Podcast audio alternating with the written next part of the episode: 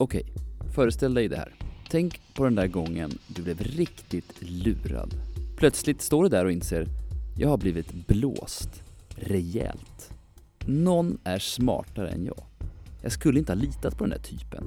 Och hade hen inte lite snett leende? Multiplicera den känslan med tusen. Då landar du på nivå med Judasfåret. Ja, du hörde rätt. Judasfåret. Lurarnas lurendrejare. Lotta Nordensten, etolog på Jordbruksverket, förklarar. Man hade ett får som då eh, ja, hölls på anläggningen och eh, när det kom får in då med transporterna så skulle det här fåret genom att det liksom rörde sig och lät och appellera till de andra fårens flockinstinkt så att de då skulle gå in i slakteriet. Det var ett, ett får som förmodligen var ensamt många timmar om dagen och det kommer artfränder.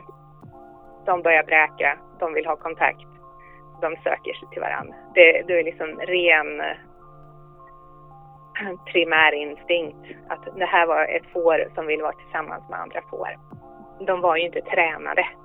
Eh, det, det, det, alltså det är inte som att lära en hund trick utan de hölls på slakteriet och när det kom andra får så, så bräker de.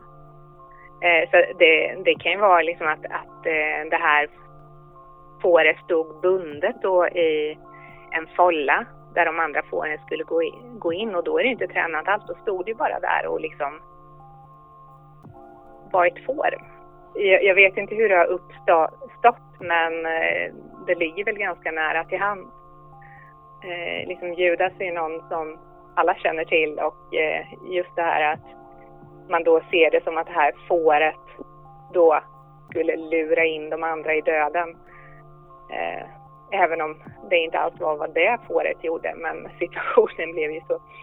så eh, det, det, det uppstod nog ganska lätt. Man såg liksom en eventuell lösning på ett problem. Att göra det mer djurvänligt för de får som kom in. Att de då skulle gå in självmant istället för att behöva drivas av, eh, av personalen.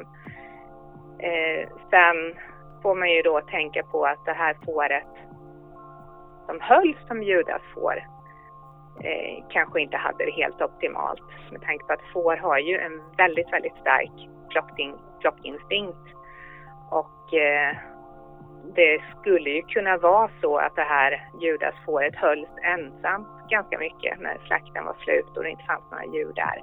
Och det, får, det mår får inte riktigt bra av. De, vill, de behöver vara tillsammans. Det har vi ju, det har vi ju lag på idag. Att får måste hållas i grupp. Det står ju inte någonstans man får absolut inte ha judasfår. Eh, men alla andra regler då, att de ska hållas i grupp och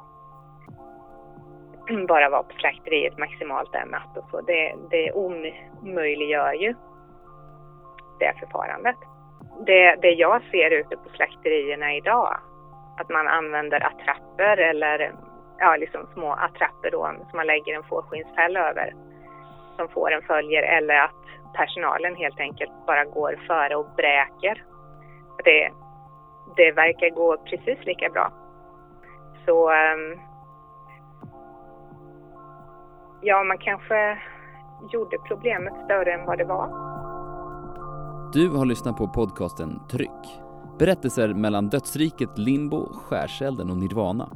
Gör mig gärna en tjänst och prenumerera på podcasten eller skriv ett betyg eller både och. Det hjälper mig jättemycket. Vi hörs!